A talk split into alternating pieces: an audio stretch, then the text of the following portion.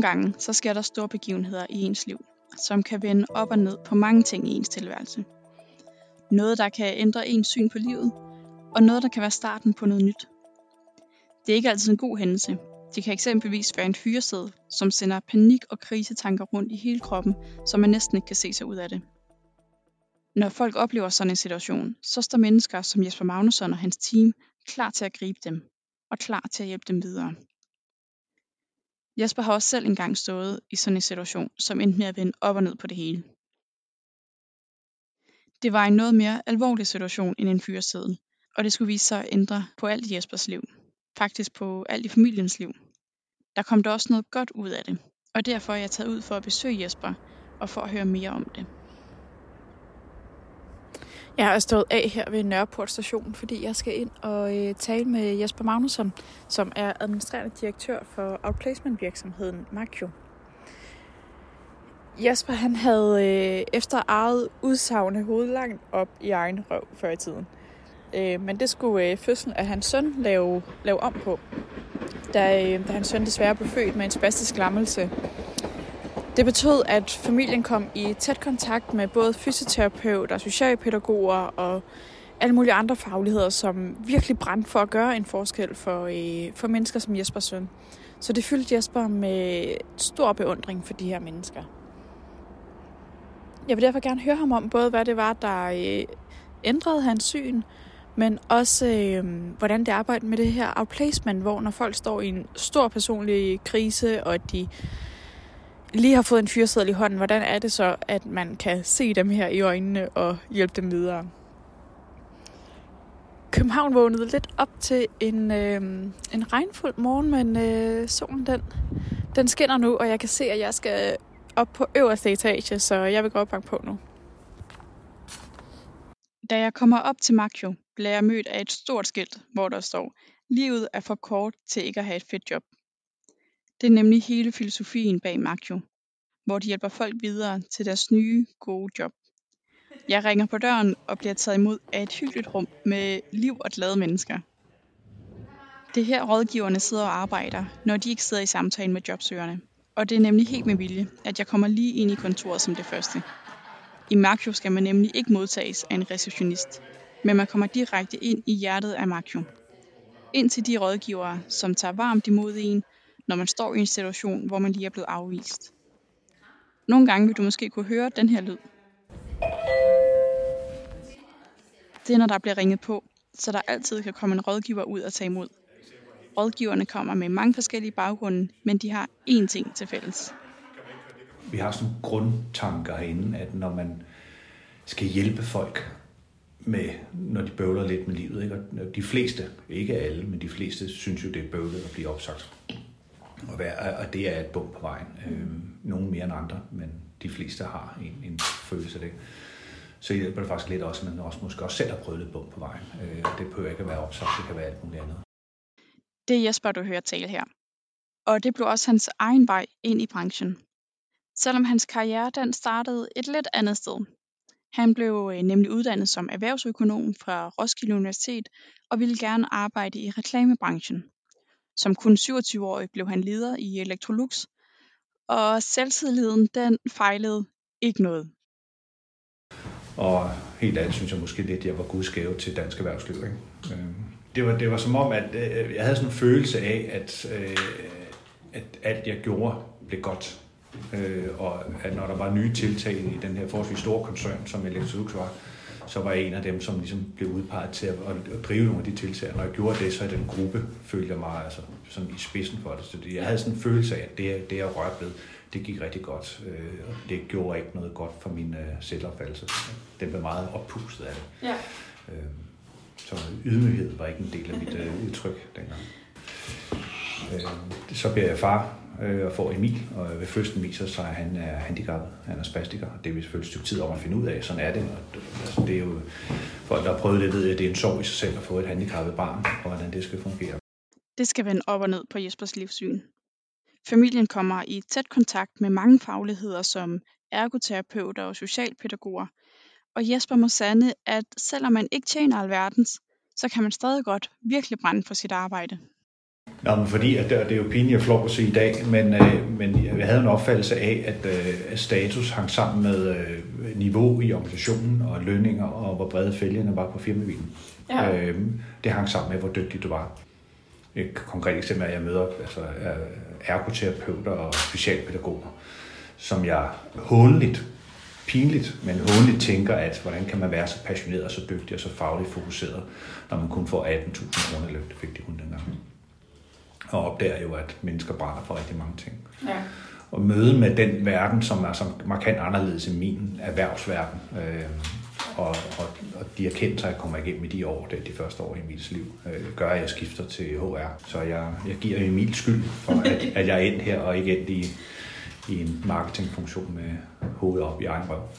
Jesper blev fascineret af den verden, og selvom det jo er hårdt at blive forældre, og det er rigtig hårdt at blive forældre til et barn med et handicap, så satte Jesper sig ikke blot til at kigge på.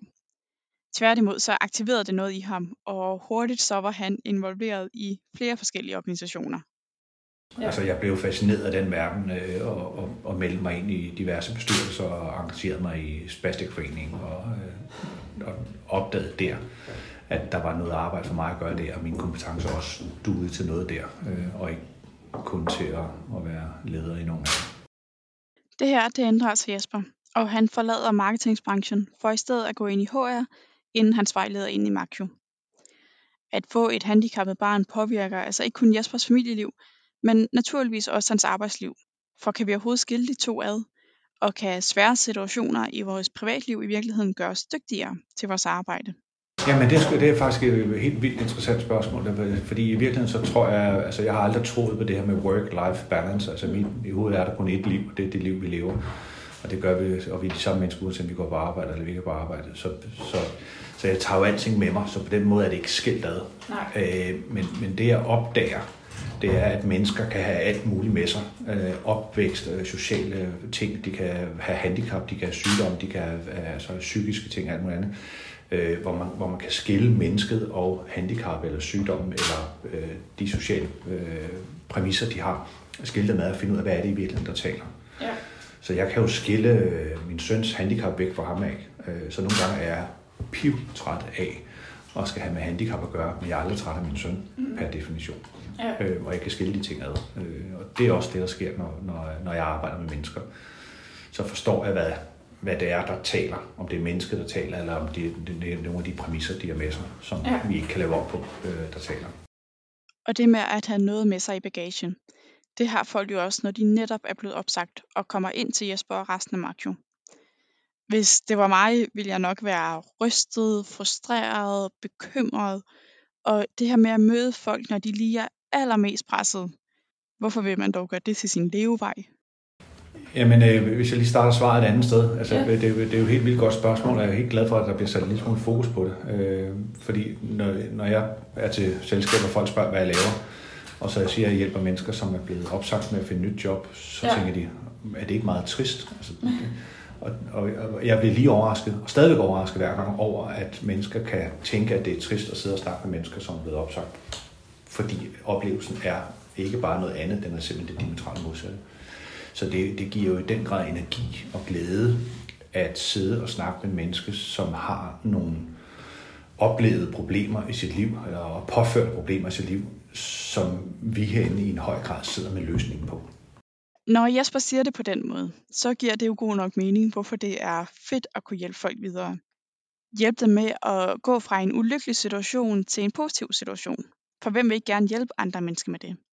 Men er det så lige til, altså er folk bare klar til at finde deres næste job?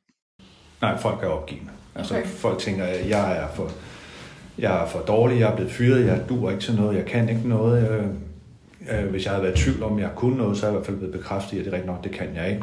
Ja. Til gengæld så er jeg for ung, for gammel, for dårlig uddannet, så er jeg mand, så er jeg kvinde, så er har haft et forkert job, så har jeg alt muligt andet, som gør, at jeg helt sikkert aldrig nogensinde får et job igen. Og det kommer helt sikkert til at betyde, at jeg sikkert skal gå for både hus og hjem, og vi kommer i hvert fald aldrig på ferie, og mine børn begynder at sulte. Altså det er de bekymringer, der er. Ja. Øhm, og, og de kommer i forskellige former, men de er der alle sammen øh, i en eller anden grad hos mennesker, der sidder med det. Øh, så det gør ondt. Altså det gør noget ved selvværdet hos mennesker. Og så trigger det deres bekymringer. Og sagen er, at vi ser jo mennesker for super fede job hele tiden. Ja. Altså, det, det, er jo, det er jo vores verdensbillede. Og netop derfor, fortæller Jesper mig, er Mark jo meget opmærksom på, hvordan de griber personen, lige når de er i frit fald. Når man lige har fået fyringssedlen, alle tankerne og frustrationerne presser på. Der, der skal folk have et indskud af håb med hjem. En af, en af de ting, som vi gør, øh, det er jo, at øh, når en virksomhed skal opsige øh, mennesker, så øh, er vi tit til stede i virksomheden. Det vil sige, at man sidder og kommer ind i rum, det kan lidt, og, og får opsigelsen der af sin chef, og måske også HR, der sidder ved siden af, og så går den person, som er blevet opsagt, går videre til et lokale, hvor der sidder en af os i. Og så siger vi, nå for sådan, det var ikke så godt, og så tager vi snakken derfra. Ja. Og får folk ligesom taget imod, altså ganske få sekunder efter, de rent faktisk er blevet opsagt. Ja. Det er en kæmpe hjælp for folk, øh, at blive set og hørt der.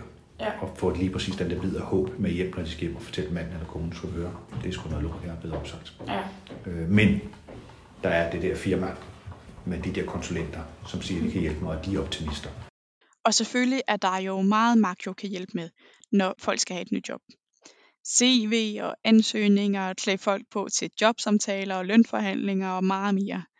Men Jesper fortæller mig, at det faktisk ikke er der, at Mark jo bidrager med den allerstørste værdi til de jobsøgende.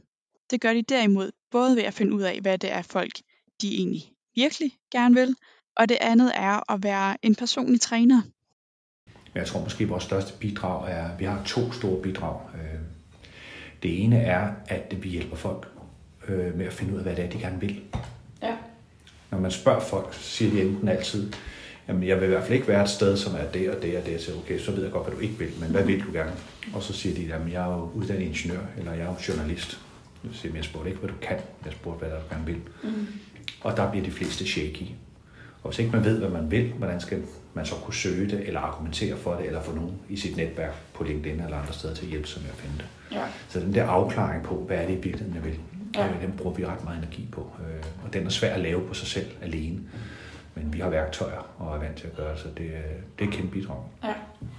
Det andet bidrag, det er jo, at det kan nemt tage 3, 4, 5, 6, 7, 8 måneder at finde et job. Og i den periode kan man godt altså, blive træt, altså metaltræt.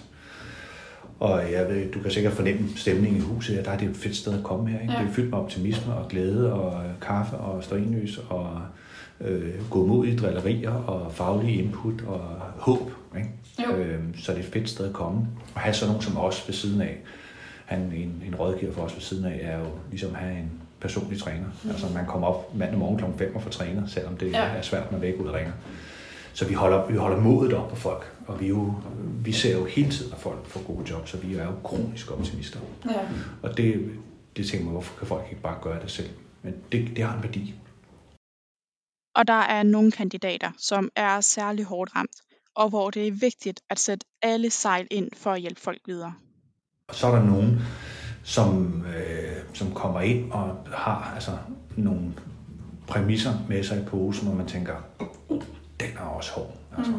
Hvor vi sætter alt, hvad vi ejer og har til rådighed for at hjælpe det menneske, fordi de i den grad har brug for det. Og der kan man godt have i, i medfølelsen og fokusen på, at det her det skal bare løse. Altså hvis man har folk, hvis øh, arbejdstilladelse udløber om tre måneder, og så skal de ud med familien, altså, så, så har vi pludselig travlt. Så kan man ikke sige, ja, du skal vente på dit drømmejob, altså, så går den ikke der. Ikke?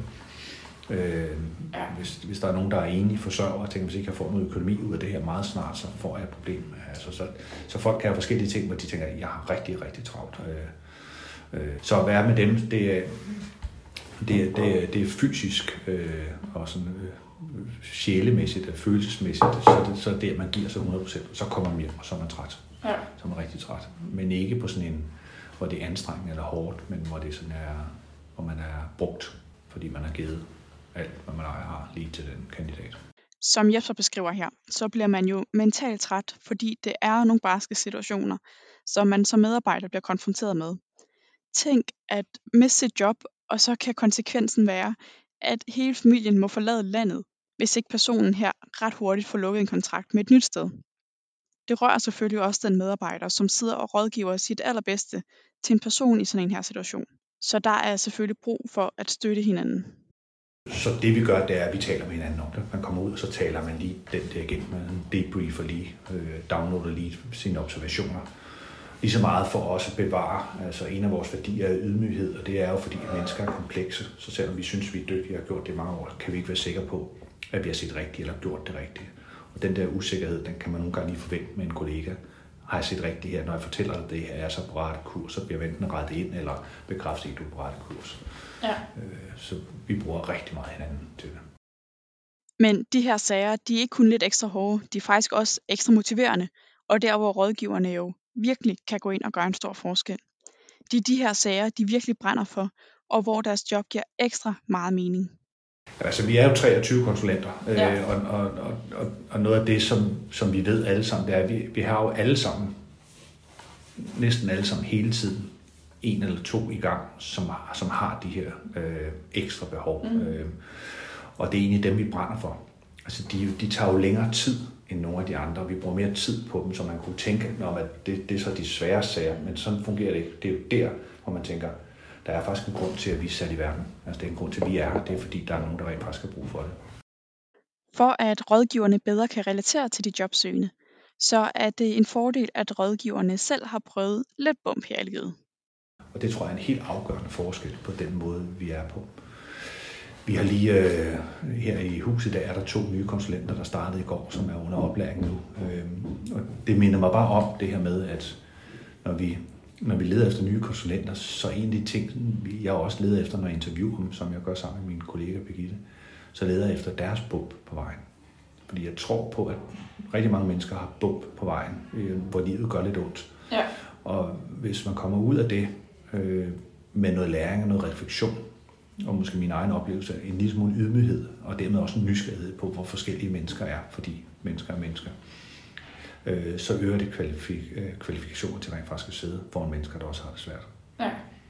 Og det, det er ikke fordi, man skal være ugens øh, øh, offer i Femina for at kunne få lov at være her, men, men, men, men at man har levet et liv, øh, også når det gjort, tror jeg, er en, en kvalifikation til også at sidde over for mennesker, som også bøvler med livet. Så selvom vi jo gerne vil undgå de her bump i livet, så er Jesper et eksempel på, at det også godt kan føre noget godt med sig. Mark jo hjælper hver dag folk videre og ser hele tiden, at folk lander fede jobs. Så hvis du som så mange andre for tiden står med en fyreseddel i hånden, eller du måske er bekymret for det, så husk, det kan være, at det her bump fører noget godt med sig. Det kan være, at det her det er en af dine situationer, som ændrer dig lidt og måske ændrer dit liv.